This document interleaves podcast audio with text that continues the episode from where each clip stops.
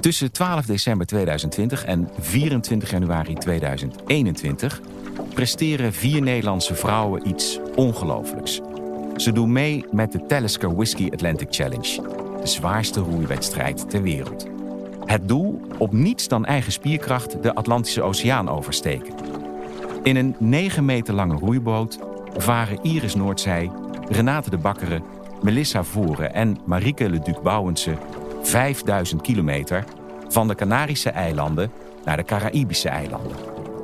Ze noemen zichzelf de Atlantic Duchesses. En na 43 dagen, 4 uur en 55 minuten roeien komen ze over de finish in Antigua, Nicaragua. Daarmee zijn ze de eerste Nederlandse vrouwen die roeiend een oceaan zijn overgestoken. Met hun prestatie halen ze meer dan 25.000 euro sponsorgeld op. En dit geven ze aan onderzoek naar hartfalen bij vrouwen. Mijn naam is Francis Broekhuizen, host van deze podcast. En ik heb de eer om met een van deze vaarhelden te praten over dit geweldige avontuur. Welkom, Melissa van Voren. En ik heb nog een gast. Vanuit Unive schuift Fons Rozenboom aan. Hij is sponsormanager, want jullie hebben deze overtocht mede mogelijk gemaakt. Dat is niet de enige reden waarom hij hier zit. Dit onderwerp gaat hem ook letterlijk aan het hart, want hij is hartpatiënt. En daar gaan we het later over hebben. De komende 17 minuten neem ik je mee in het avontuur van Melissa en leer je meer over de werking van het vrouwenhart. We beginnen met de Talisker Whisky Atlantic Challenge. Melissa, ik kom bij jou. Deze vraag heb je waarschijnlijk vaker gekregen.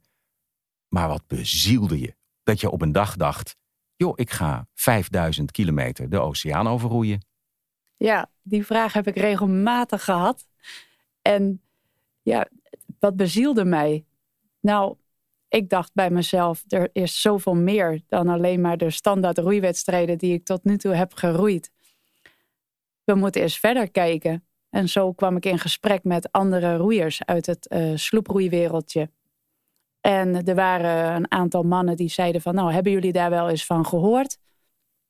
Is dat niet iets voor jou? Zei ik, nou, dat lijkt me eigenlijk geweldig. Ik hoefde daar niet heel lang over na te denken. Ja, hoe ga je dan een team bij elkaar krijgen? Nou, en door een van die mannen ben ik gekoppeld aan Iris. En zo is het uh, balletje eigenlijk gaan rollen. Ja, want jij zegt jij bent uh, sloeproeier. Dat betekent dat je dus veel ervaring hebt op het water. Maar ik kan me voorstellen, 5000 kilometer de oceaan over. Dat betekent trainen, uh, navigeren, techniek. Had je die skills allemaal al in huis? Nee, niet volledig. Doordat ik affiniteit heb met watersport, ben ik van veel dingen nou, of ben ik van veel dingen op de hoogte. Heb ik enige kennis van hoe het, uh, hoe het ruilt en zeilt op het water. Maar doordat je meedoet aan zo'n race, word je ook goed begeleid. Door die begeleiding zijn we naar Engeland geweest met het team. Hebben we daar uh, cursussen gevolgd. het overleven op zee, het navigeren. Mm, ook een heel belangrijk aspect, EHBO wat moet je doen in, in, in situaties uh, als, het, als het misgaat, als iemand een, uh, een wond heeft wat gaat infecteren? Hoe behandel je dat? Welke medicijnen mag je wel gebruiken, mag je niet gebruiken? Welke medicijnen kunnen er samen gaan?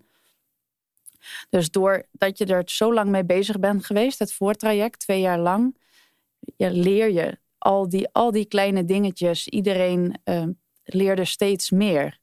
En de een had veel meer affiniteit met het navigeren en kon daar volledig in. En de ander dacht wel eens van, nou, hoe moet ik dat allemaal doen met die breedtegraden? En oh, nou, dat is wel. En dan zeiden we tegen elkaar: maak je geen zorgen, want samen hè, komen we naar de overkant en we vertrouwen op elkaar. En samen kwamen jullie naar de overkant. Uh, wat was jouw specialiteit? Ik deed uh, met Renate hadden wij de achtercabin. In de achtercabin zit eigenlijk al het apparatuur. Dus het navigatieapparatuur, de stuurautomaten die ervoor zorgt dat de boot uh, koers houdt. Doordat Renate en ik daar uh, nou, veel uren in hebben gestoken om, om te kijken hoe werkt alles. En ik zelf vanuit de zeilwereld al veel had gewerkt met een stuurautomaat ja, was eigenlijk de keus vrij snel dat Renate en ik dat gedeelte oppakten. Iris en Marike hadden veel kennis en die voelden zich daar ook in thuis om uh, zich meer in te verdiepen in de watermaker. Oh ja, want je moet natuurlijk ook water maken. Maar kenden jullie elkaar eigenlijk al? Nee. Oké, dus jullie hebben elkaar echt op zee of van tevoren in het traject, maar op het water echt leren kennen. Ja, in het voortraject, door coaching sessies hebben we elkaar beter leren kennen. En tijdens de race leer je elkaar ook beter kennen. Dus jullie waren eigenlijk een soort samengestelde uh, girlband als de Spice Girls in feite. Ja, zo kun je ons ook wel vergelijken. We hebben ons ook wel even gedragen aan het einde, de laatste dag op het water, als een, uh, als een uh, Spice Girl band. We waren uitbundig aan het zingen. Maar vond je dat niet een heel groot risico dan? met vier onbekende, of met, met drie andere onbekende vrouwen, zeg maar, het water op te gaan? Want je, je legt je leven in de handen van de ander. Nee, ik heb daar veel vragen naar gehad. Er zijn ook vriendinnen van mij die dit ook heel graag zouden willen doen. Maar ik heb er bewust voor gekozen om dat niet met vriendinnen te doen. Je, je kent ze goed. En je weet, je kent, ja, de, je kent de karakters goed. Dus je weet eigenlijk al van hoe iemand ergens op kan reageren. En uiteindelijk, uh, ja, met die meiden doe ik andere mooie tochten maken. En dan is het meer vakantiegevoel. En dit was echt gewoon werken. Ja, wij, wij, dit kun je zakelijk aanvliegen. Oh ja. En wij zeiden ook vaak tegen elkaar van, ja, je kunt het hier niet mee eens zijn. Of we moeten een beslissing nemen. En misschien staat iemand niet volledig achter die beslissing. Maar laten we het ten alle tijde uit een zakelijk oogpunt bekijken. Zijn er dan wat zakelijk oogpunt betreft, maar ook omdat je ja, toch samenleeft op zo'n boot. Zijn er dan do's en don'ts? Dingen die je absoluut niet doet of absoluut wel moet doen? Ja, we hebben vooraf uh, zijn we naar Engeland geweest. Daar hebben we getraind. Dus een, een, week lang. En toen hebben we ook gekeken van wie gaat met wie roeien. Wat, wat is de beste combinatie? Want je maakt teams, twee om twee. Ja, en uiteindelijk zijn, hebben we daar ook een zakelijke beslissing in genomen. Van oké, het is echt beter om te wisselen.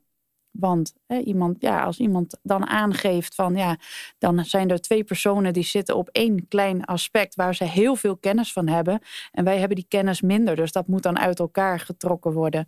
En op die manier ben je dus het perfecte team. En dat heeft jullie geen windeieren gelegd. Was, uh, wat was jullie doel als team? We wilden winnen.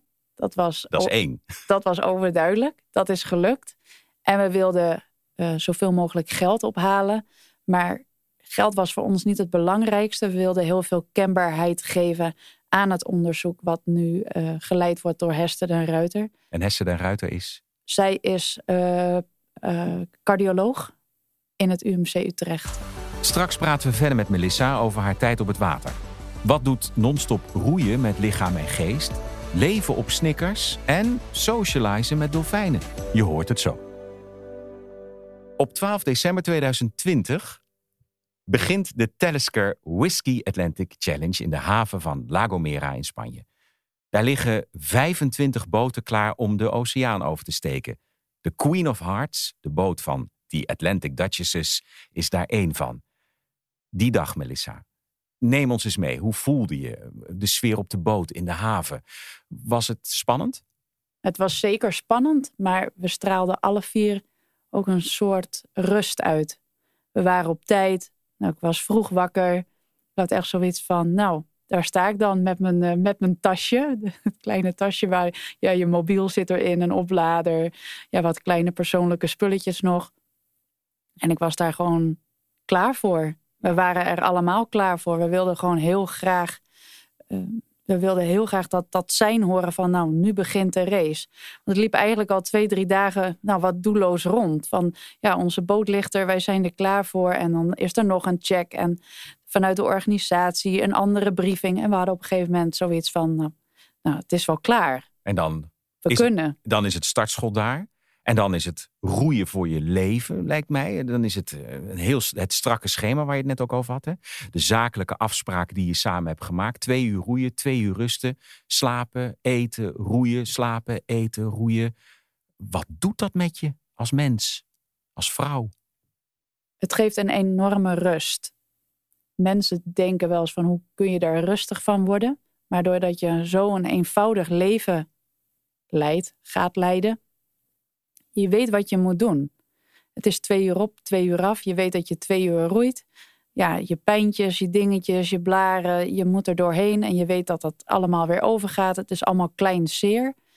En na die twee uur weet je van oké, nu mag ik eten. We hadden vaak ook trek, dus we wil, je wilde ook graag stoppen. Je wilde even van je rust genieten. Je verbrandt natuurlijk heel veel calorieën. Ja, ontzettend veel calorieën. Ik denk dat je toch zo wel 4000, 5000 calorieën per dag verbrandt. Nou ja, die moet je ook zeker binnenkrijgen. En eten was soms ook moeilijk. Eh, je smaak veranderde. Dingen waren gewoon niet lekker meer. Terwijl we alles zo goed hebben uitgetest van tevoren. Wat we echt gewoon nou, super lekker vonden. Nou, ik moet eerlijk zeggen, ik, ik heb heel wat snickers gegeten. Maar sinds ik terug ben van de race heb ik ze niet heel veel meer aangeraakt. Het zijn allemaal kleine dingen waar je dan, ja, wat, wat er verandert en wat, wat het met je lichaam doet. En in je hoofd ook. In je hoofd, want vervolgens, je zit natuurlijk, je bent, staat heel dicht bij de natuur. Grote golven, zon, regen. Dan weer, kan ik me voorstellen, spiegelglad water. Uh, dieren, dolfijnen. Ik zag op Instagram dat die op een gegeven moment met jullie mee gingen zwemmen. Klopt dat? Ja, we hebben in het begin van de, van de race, in de eerste week, als ik het goed heb, kwam er een, uh, ja, kwam er van opzij kwam er een enorme groep dolfijnen aangeswommen. Dan zie je die door die golven heen gaan en het water is kraakhelder. Dus je ziet, dat is echt prachtig. En die hebben een tijdje ons gevolgd. En later in de race hebben wij uh, te maken gehad ook met de zwaardvissen. Oh. Ja, wij zijn zelf, hebben daar geen problemen van ondervonden, maar we hebben ze wel daadwerkelijk bij de boot gehad. Want die kunnen er doorheen prikken. Ja, klopt. Dat zijn uh, ja, vissen die op andere vissen jagen. En die zwemmen vaak aan de achterkant van de boot. Dus dat was ook het grootste risico, want onze boot bestaat uit compartimenten. Alleen het achterste gedeelte heeft geen compartiment. Dus als ze daar doorheen steken met hun zwaard, ja, is, het, is een groot risico dat het een van ons zou kunnen raken. En zijn er momenten geweest dat, je, dat jullie bang waren? Dat je dacht, oh, dit is eigenlijk iets groot, eigenlijk een te grote klus voor ons? Nee, we zijn alle vier niet één keer bang geweest. door, de, ja, door de dagen heen word je zo één met je boot. De golven veranderen, het, wordt steeds, het werd steeds iets meer. Dat was ons geluk. We hebben opbouwende weersomstandigheden gekregen. Dus dan, je weet op een gegeven ogenblik zo goed wat je boot wel en niet kan. Dat, dat, dat er eigenlijk helemaal geen angst is. Het is heel, heel bijzonder. Geen angst, samenwerken, 7 van de 25. Dat is toch een goede score, of niet? Absoluut. Dat is ook iets waar we ontzettend trots op zijn. Jullie motto tijdens de race was door vrouwen, voor vrouwen. Want met deze tocht haalden jullie meer dan 25.000 euro op voor onderzoek naar hartfalen bij vrouwen. Waarom dit goede doel, dat hoor je straks. En verder gaan we het hebben over het verschil tussen hartfalen bij vrouwen en bij mannen. En over hoe de boot van de Atlantic Duchesses ook iets veranderde in het hart van Melissa. Met het oversteken van de oceaan wilde Melissa en haar teamgenoten aandacht vragen voor het vrouwenhart. Want de symptomen en aanwijzingen voor hartproblemen bij vrouwen zijn anders dan bij mannen. En dat weten helaas nog veel te weinig mensen. Inmiddels is ook aangeschoven Fons Rozenboom. Hij is sponsormanager bij Unive in het derde en laatste deel van deze podcast. Welkom, Fons. Nou, ik begin gelijk nu even met jou, Fons. Uh, waarom steunen jullie vanuit Unive juist dit doel, onderzoek naar het vrouwenhart? Het ging niet specifiek om dit doel. Wij ondersteunen jaarlijks 200, 300 evenementorganisaties die uh, ja, bewegen stimuleren, die bezig zijn met bewegen. Dus heel veel sport. We zijn ook supporter van sport. Maar de combinatie van een sportieve eh, prestatie als deze met een geweldig eh, goed doel, ja, dat spreekt ons natuurlijk ook aan. En mij persoonlijk, maar goed, dat is een ander verhaal. Nou ja, in zoverre, want jij bent zelf hartpatiënt, of je, hebt, je hebt een open hartoperatie gehad. Uh, de, het verschil tussen hartfalen bij mannen en bij vrouwen, de symptomen daarvan, zou je daar ons iets meer over kunnen vertellen? ja, iets. Hè. Ik ben natuurlijk geen medicus, maar ik heb het natuurlijk aan de ervaring ondervonden bij mijn revalidatie. Uh, daar ontmoet hij natuurlijk uh, lotgenoten. Althans, je dacht lotgenoten, allemaal hetzelfde meegemaakt. Maar dat is dus niet zo. En met name de vrouwen die in die revelatie zaten, die hadden echt hele andere klachten dan bij mannen. En dat was voor mij wel bijzonder, want het waren, ja, laat ik me eerlijk zeggen, uh, hele vage klachten. Vage klachten zoals? Ja, die hadden, waren misselijk geweest, of die waren moe geweest, of die waren niet lekker geweest. En een hele tijd lang, hè, dus al weken, maanden waren ze eigenlijk al niet, voelden ze zich niet, niet happy. Terwijl ik naar mezelf kijk en de, de mannen, ja, pijn in de borst, pijn in de linkerarm. Nou, Dat zijn de symptomen die, waarvan ik zou denken, dat is heel specifiek eh Ja. hart, ja, hartfalen. dat klopt. Maar bij vrouwen werkt dat dus anders en wordt het eerder afgedaan als, ah joh, dat is stress of je bent moe of eh, Ja, nou ja, ik, ik ben heel eerlijk. eh, wij dachten zelfs ook op een gegeven moment, joh, ach, een beetje, een beetje zeuren. Maar ja, dat is natuurlijk niet zo, want die mensen hebben natuurlijk ook een operatie ondergaan en die hebben- moeten niet voor niks revalideren. Dus ja, toen ben ik voor mezelf wel gaan kijken. Het is echt, echt een enorm verschil tussen man en vrouw. En Melissa, waarom kozen jullie eh, voor, voor dit doel? Nou, we hebben bij het oprichten van de stichting hebben we natuurlijk gekeken van wat past er bij ons. We hebben diverse gesprekken gevoerd met een aantal eh, goede doelen en projecten. En uiteindelijk hebben wij ja, gekozen voor het onderzoek van Hersten de Ruiter van het UMC Utrecht. Omdat wij meegenomen werden door haar in het onderzoek. We hebben zelf ook meegewerkt. We zijn eh, door een MRI heen geweest. We hebben hartfilmpjes eh, laten maken eh, bloedtesten gedaan die zij daar allemaal voor kunnen gebruiken. Dus op die manier hebben jullie ook bijgedragen aan, aan het onderzoek naar hartfalen bij vrouwen. Terwijl je natuurlijk ook mee hebben geroeid, eh, sponsorgeld hebben opgehaald. Dat gaat naar onderzoek. Maar door zelf ook mee te doen, ja, kunnen ze, was, jullie waren in goede gezondheid. Ja, absoluut. Want anders had je natuurlijk niet de overkant kunnen halen. Nee, nee, nee, zeker. Dat was ook wel, eh, uit die test is ook gebleken dat wij natuurlijk super gezond waren op het moment eh, dat, eh, dat we vertrokken. Maar voor Hester was het belangrijk om die gegevens te gebruiken voor haar onderzoek. Want ze willen ja, op den duur een, een bloedonderzoek ontwikkelen voor vrouwen met bijvoorbeeld klachten als eh, oververmoeidheid, eh, moe zijn, misselijk zijn. Eigenlijk alles wat heel snel refereert naar een burn-out of een stapje terugnemen daar is zij nu mee bezig, zeg maar. Dat is waar ze de focus op wil leggen om iets te ontwikkelen, zodat die minimale klachten bij vrouwen, dus op, ja, dat, dat ze dat kan opsporen met dat bloedonderzoek, om zo die hartproblemen eerder aan het licht te brengen. Ik ga even terug naar jou, Fons. Jij als, eh, nou ja, ervaringsdeskundige. Heb jij een persoonlijke tip voor zowel mannen als vrouwen hoe goed om te gaan met je hart? Nou, niet specifiek het hart, maar twijfel niet als je wat voelt. En Je voelt, je luistert goed naar je lichaam. Eh, Dat, dat, ik kan het eh, bij mezelf terugfilmen. Ik ging naar de huisarts voor iets anders en ik meldde eventjes, goh, dit heb ik even gevoeld, één keer. En op dat moment lag ik in het ziekenhuis, geopereerd en moest ik revalideren. Dus luister naar je lichaam en twijfel niet, ga naar de dokter. Nog even terug naar jou, Melissa. Dankjewel, Fons. We hebben het even ja, kort natuurlijk over het vrouwenhart. Maar als ik zo vrij mag zijn, jouw hart kwam op een bijzondere manier in vuur en vlam te staan. Want jullie boot heet de Queen of Hearts. Eh, dat is niet alleen maar vanwege het goede doel, toch? Nou, de boot, Queen of Hearts, die naam hebben we gekozen aan de hand van het goede doel en onze, onze naam, onze teamnaam. Maar ik werkte ehm, in Spanje, in Malaga, voor een bedrijf. En ik was wel met enige regelmaat in Nederland voor, het- voor het trainen met het team. Vorig jaar, eh, het begin van de corona. Maar in maart eh, ja, kwam natuurlijk, eh, kwamen er veranderingen door de corona. Dus ik was genoodzaakt om in Nederland te blijven. En hierdoor heb ik eh, ja, een hele leuke partner ontmoet. En vandaar de naam de Queen of Hearts. Nou ja, nee, niet, niet door hem. Oké, Nee, absoluut niet. maar de boot heeft jullie wel samengebracht. Ja, zeker. Want er was een eh, kleine reparatie nodig. En eh, doordat ik eh, bij vrienden op een bakje koffie zat, ja, kwam dat balletje zo te rollen van, nou ja, ik zeg, "We- jullie zijn daar wel handig in. Weten jullie iemand? Nou, telefoonnummers uitgewisseld. En de date was eerder geregeld dan de reparatie. Dat is toch mooi, hè? Hartfalen en eh, een, een boot die de Queen of Hearts reed, die gerepareerd moet worden.